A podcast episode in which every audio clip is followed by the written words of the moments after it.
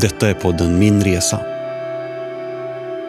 I varje avsnitt så följer vi en människas berättelse om sin psykedeliska resa och vad som hände sen. Samtalet leds av psykolog Filip Bromberg med erfarenhet och intresse av integrering av psykedeliska upplevelser.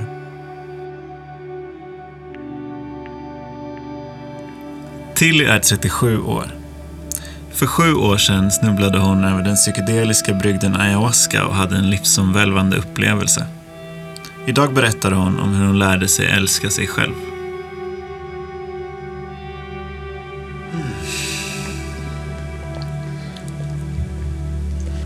Eh, Så vi börjar eh, eh, tillbaka i tiden innan den här upplevelsen för att lära känna Tilly lite grann.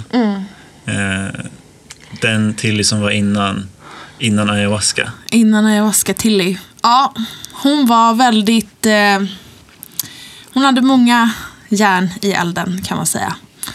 Jag eh, drev ett företag med anställda samtidigt som jag hårdsatsade på en artistkarriär. Och eh, gjorde allt i min...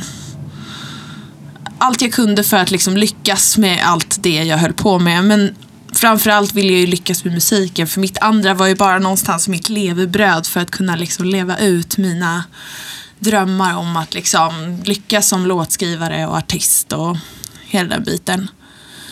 Och för att sammanfatta allting så kämpade jag. Det var ett konstant kämpande hela tiden och jag låg och hade ångest, oro och stress och jag kan liksom känna känslan av, jag vaknar av att lakanen är helt svettiga av att jag liksom är så himla liksom uppriven av livet.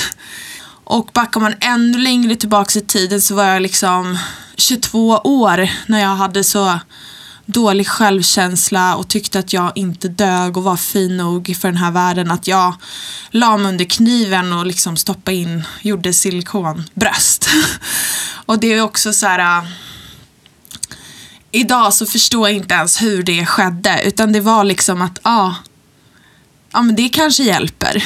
Liksom. Och konstant hela tiden jakten på att eh, passa in och vad, var, vad jag ansåg att det var att vara en kvinna och en artist också. Stod på löparband och mätte midjan, alltså så här helt hysterisk verkligen. Och bara men ändå med så här supergott självförtroende för att jag vågade ta mig an grejer och liksom jag hade ändå så här sa, sa någon, vågar, ska du göra det här? Ja, let's do it. Mitt svar var alltid ja. Men där bakom alltihopa så fanns det liksom ingen självkänsla. Utan det var bara liksom tuta och köra hela tiden. Det fanns liksom inget stopp. Utan det var bara ett konstant ekorrhjul av liksom förvirring och kaos. Och där någonstans, långt senare, nu för typ fyra år sedan, så fick jag också en ADHD-diagnos.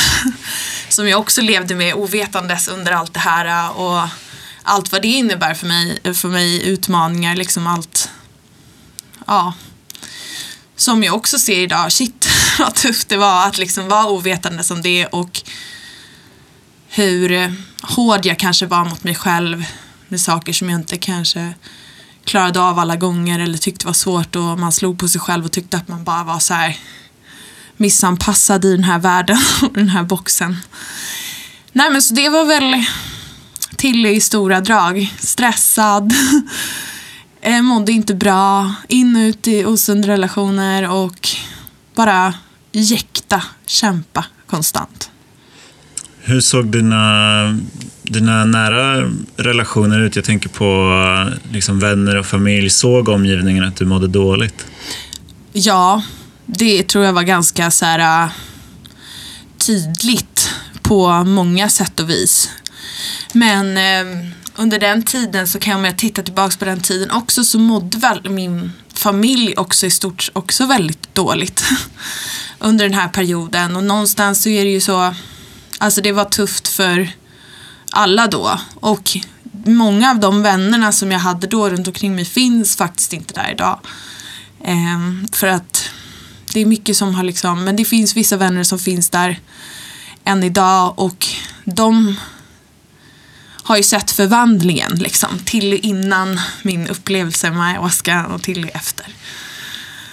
Så att det fanns många vittnen där som ändå kunde se att det inte var som det skulle.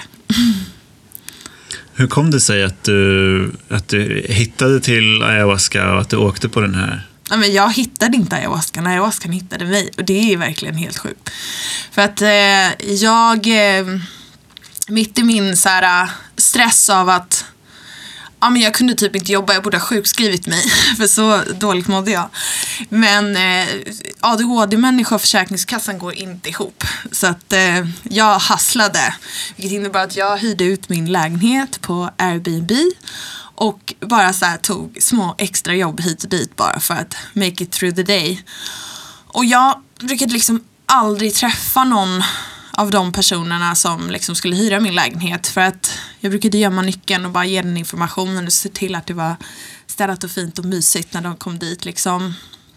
Men så av någon konstig anledning så var det en bokning som jag fick som jag kommer ihåg att jag satt och lunchade med min mamma och jag visade henne och jag sa bara, jag vet inte vad det är med den här bokningen men jag känner att den här människan ska jag lämna nyckeln till själv. Och mycket riktigt så gör jag det. Och då är det en äldre amerikanerman som jag går in och visar så här, och sen säger han bara så här, I'm so sorry. I usually don't tell people about this but I really need to tell you about this thing called ayahuasca. Ja, och så satt vi oss ner vid mitt köksbord där och så berättade han och det var liksom det är bara, det var någonting som klickade i mig. Det resonerade det han sa och jag vet inte alls hur det kunde göra det egentligen för att jag har aldrig varit i kontakt med någon form av psykedeliska innan eller liksom aldrig levt i någon sån värld. Så för mig var det så otroligt alien.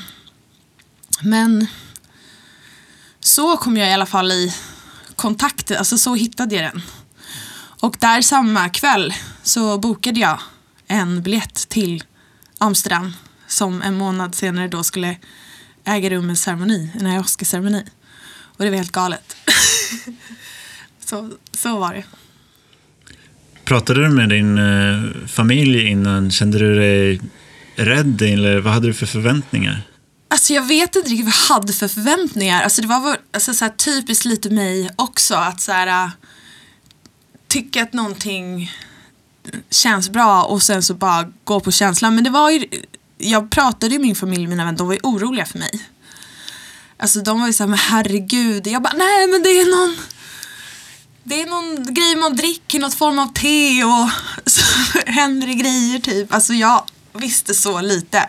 Men ändå så gjorde jag det och de var superoroliga. och tänkte så här, men jag är vuxen, jag måste ju få göra mina grejer. Men de var jätteroliga, både mina föräldrar och mina vänner.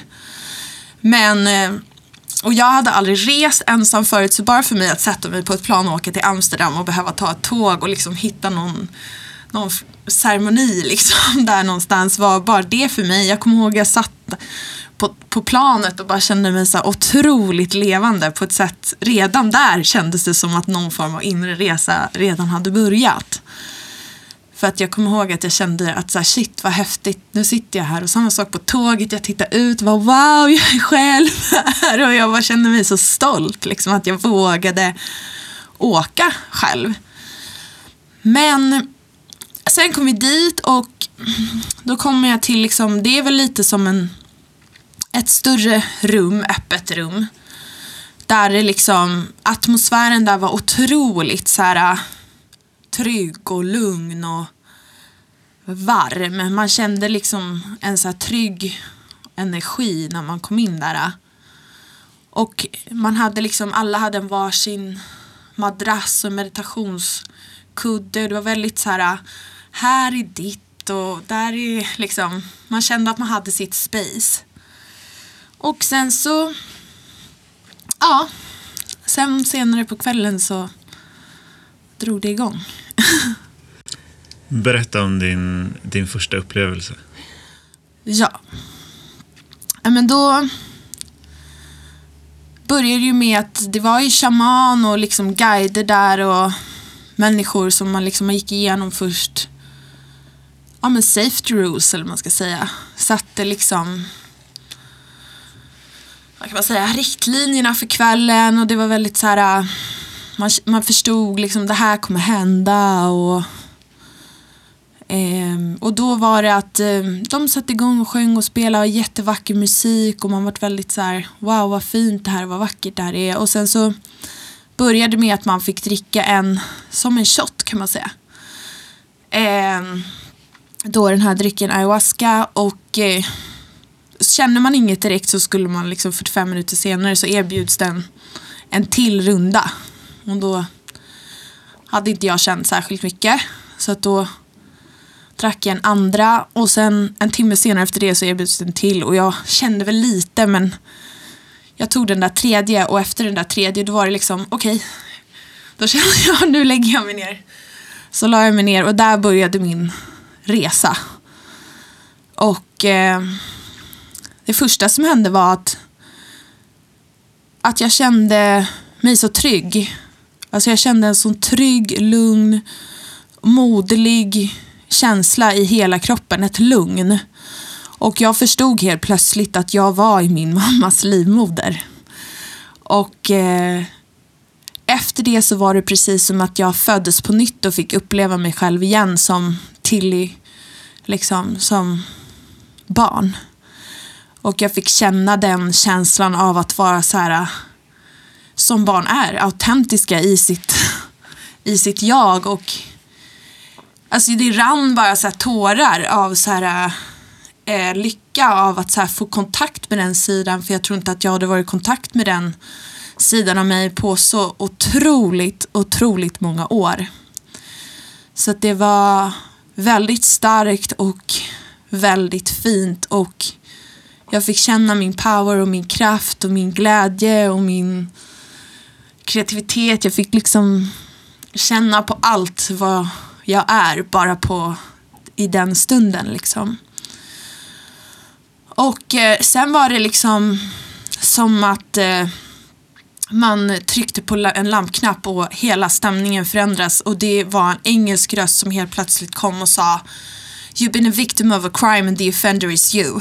Och sen var det liksom allt självhat, allt självförakt, all liksom all, på alla sätt som jag någonsin har slagit på mig själv under alla dessa år av att inte vara av att inte känna att jag inte duger till eller att aldrig vara tillräcklig eller att allt, alla elaka röster, alla monster bara kom som en så här tsunami. Och då var det känslan inte lika gosig utan då var det så här shit jäklar. Men det var ju också så här, man var ändå någon, ändå typ medveten. För att jag hade precis haft kontakt med den här andra sidan av mig själv. Och sen, det var som att jag fick se båda sidor på en och samma gång. Och den visade mig också även liksom det här äh, brottet som jag Alltså you've been a victim of a crime and defenders you. Allting av det var ju liksom hur jag har tillåtit mig själv att så här, ha en inre dialog som liksom är så otroligt osund och inte snäll på något sätt. Men också att den visade ju mig jag kunde se min egen bröstoperation, alltså utifrån sett nästan. Hur de tog in och hur läskigt det var.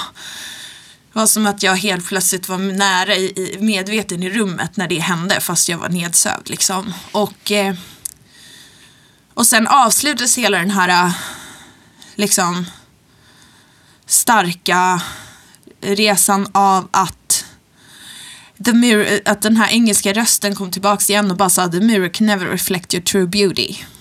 Och där och då så tror jag att det var precis det som jag behövde. Jag behövde förstå, jag behövde få kontakt med mitt riktiga jag och förstå också att att jag var boven i mitt eget drama. Även om man gärna som människa vill ofta ta fingrarna och peka utåt liksom. Och så här, nej det är det som händer och det där händer. Och jag hade ingen liksom, makt eller kraft över det. Men det var så tydligt att så här, jag var tvungen att rikta allting inåt. Och, eh, Och sen var det det, liksom var en jättelång resa. Det här är ju liksom, alltså jag dog på något ställe och fick träffa min mormor. Men det här var liksom kontentan verkligen av det som jag var senare efter den här upplevelsen tog med mig hem och ut i livet. Och liksom känslan är ungefär som att alla kontakter man har i hjärnan det känns som att de helt plötsligt hade fått kontakt igen. Som att det har varit så här igenkloggade rör i ens system som helt plötsligt hade fått en tarmsköljning. Men alltså typ att det kändes som att hjärnan helt plötsligt var ren och fräsch och att man kunde liksom så tänka klart och fått perspektiv och äh, jag mådde väldigt bra efter den här och jag gjorde det otroligt, alltså det höll i sig väldigt länge. Den här äh, känslan av att känna att hjärnan funkade liksom på ett annat sätt. Hur var det att komma hem sen från den resan? Nej men det var... Alltså det var ju skithäftigt att berätta allt det här alltså som hände under ceremonin. Men, och alla mina nära och kära var ju bara glada att jag kom hem med ett stycke liksom och ändå så här, inte var helt trasig utan hade faktiskt en, en glimt i ögat helt plötsligt igen. Det var, de kunde ju se att det var en lampa tänd i alla fall. Liksom. Men eh, alltså någonstans så var väl det också så här i början men det som skedde senare var ju att både vänner och familj verkligen kunde se en förändring. Eh, och liksom blev jättenyfikna och ville veta mer och som senare resulterade i att jag ett år senare åkte tillsammans igen med min sambo, min lilla syster och min bästa vän. För att de såg, de såg att det hade hänt så mycket. Att de vart så här, till slut nyfikenheten vart att de också liksom ville göra någon liknande resa. Mm. Det låter ju som att det var, att det var en väldigt läkande upplevelse som, som ändrade, ändrade riktning kan man säga. Ja, nej men alltså jag känner att det var en Tilly som sagt innan den här upplevelsen och efter. För att eh, alltså så här, jag är lekman men jag tror att i det här ekorrhjulet som vi lever i av att vad det innebär att vara en människa i det här samhället som vi, de väldigt många lever i. Eh, så tror jag att liksom vi så men verkligen ekorrhjul och det blir att hjärnan har svårt att liksom så här äh, koppla, göra nya kopplingar och få de här aha-upplevelserna. Det krävs att du kanske reser då och gör något nytt verkligen. Eller att du träffar någon människa som verkligen får dig att tänka om. Men det krävs kanske en hel del och det som kändes med den här upplevelsen var att att den liksom skakade om allt vad det innebär av att vara liksom den jag var då. Liksom.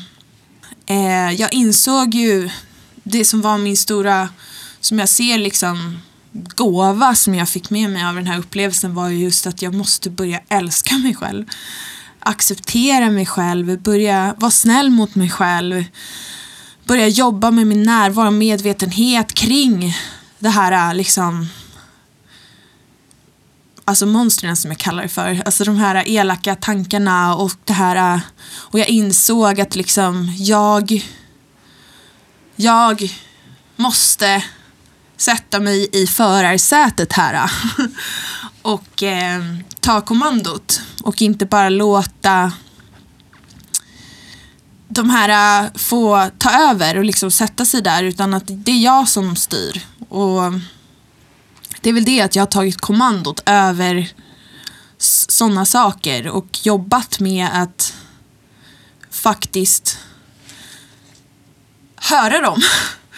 Alltså faktiskt, det handlar nog om medvetenhet att jag nu är, hör dem när de kommer och låter inte dem få ta över. Utan mm. nu kan jag prata med dem och säga så ah, men okej okay, nu kommer du, hej hej, jag ser dig, jag hör dig men eh, det är okej, det är lugnt nu. Jag har läget under kontroll och jag förstår att det har hänt mycket i livet som har gjort att du kanske känner sig eller känner så och du är rädd för det här och du känner dig inte duglig. Men du lär dig att, alltså en sund dialog. Där man liksom pepp, alltså så här, är sin bästa vän istället för sin liksom Istället för tvärtom. Att lägga krokben för mig själv. För det var det som jag kände var liksom mig i ett nötskal. Alltså, jag lyckades hela tiden lägga kroppen för mig själv. Trots att mina intentioner och min passion var alltid, allt var alltid gott ifrån mitt håll. Men det blev alltid fel på grund av att jag inte hade, var inte där och kunde liksom förvalta allt. Så det blev alltid liksom pannkaka av det mesta. Tyvärr. Alltså jag har varit i en ceremoni per år sen det här. Och eh, och det, man tar med sig något nytt hela tiden och det som jag tror kom i och med det här var också att jag förstod att jag fick liksom kontakt med att jag var sådär stressad. Förstod att jag var stressad. Så att det gjorde att jag utbildade mig till yogalärare och eh, liksom gick från en person som alltså, några år tidigare hade liksom gjort något yogapass och bara, men hur är det här ens möjligt att folk kan göra det här till att liksom vara en yoga-tjej helt plötsligt med allt vad det innebär och det gjorde ju sitt också. Eh, att man tog med sig de liksom insikterna som man fick där på ceremonin med sig ut i livet och jag är en sån person som alltid har velat liksom växa och gå framåt och så att jag tog det jag fick och verkligen försökte lösa det på något sätt. Och där var det mycket yoga och meditation att liksom förstod att hur viktigt det är att vara att höra sin inre dialog. För jag tror att det är jättemånga som inte ens man bara kör på. Och sen tänker man inte på att det liksom händer så sjukt mycket i hjärnan utan den får bara så här gå haywire och det får den inte längre. Utan nu är jag så här lugn, chill, kom igen, we, we got this liksom. En mer positiv, ja. Och att idag så mår jag väldigt bra. Jag liksom, eh, det är inte mycket som stressar mig nu ångest kan jag inte komma ihåg. Jag har inte skakat på flera år som var liksom vardagsmat på den tiden. Jag trodde att det bara var så. Äh, ångest har väl alla liksom. Det är inget konstigt. Men nu har jag inte det. Och jag tror att det är kombination av att ha varit på ceremoni varje år, tagit med mig det som jag fått där ute i det verkliga livet, jobbat, gjort min yoga, gjort meditation, stannat upp, Känt när jag är stressad, känt när jag är orolig, landat i det. Försökt förstå var det kommer ifrån. Ja. Wow, vilken resa. Ja, och den håller på fortfarande. Livet är en resa, det kan man lugnt säga. Du har lyssnat på podden Min Resa som produceras av företaget Nysnö. Svensk expertis inom psykedelika. Med den här podden och vår övriga verksamhet vill vi skapa meningsfulla mötesplatser och dialoger kring tillämpningen av psykedeliska substanser och deras potential. På vår webb www.nysne.se kan du läsa mer om oss och vad vi gör. Vill du vara med i podden? Börja berätta om din resa på www.nysne.se podden.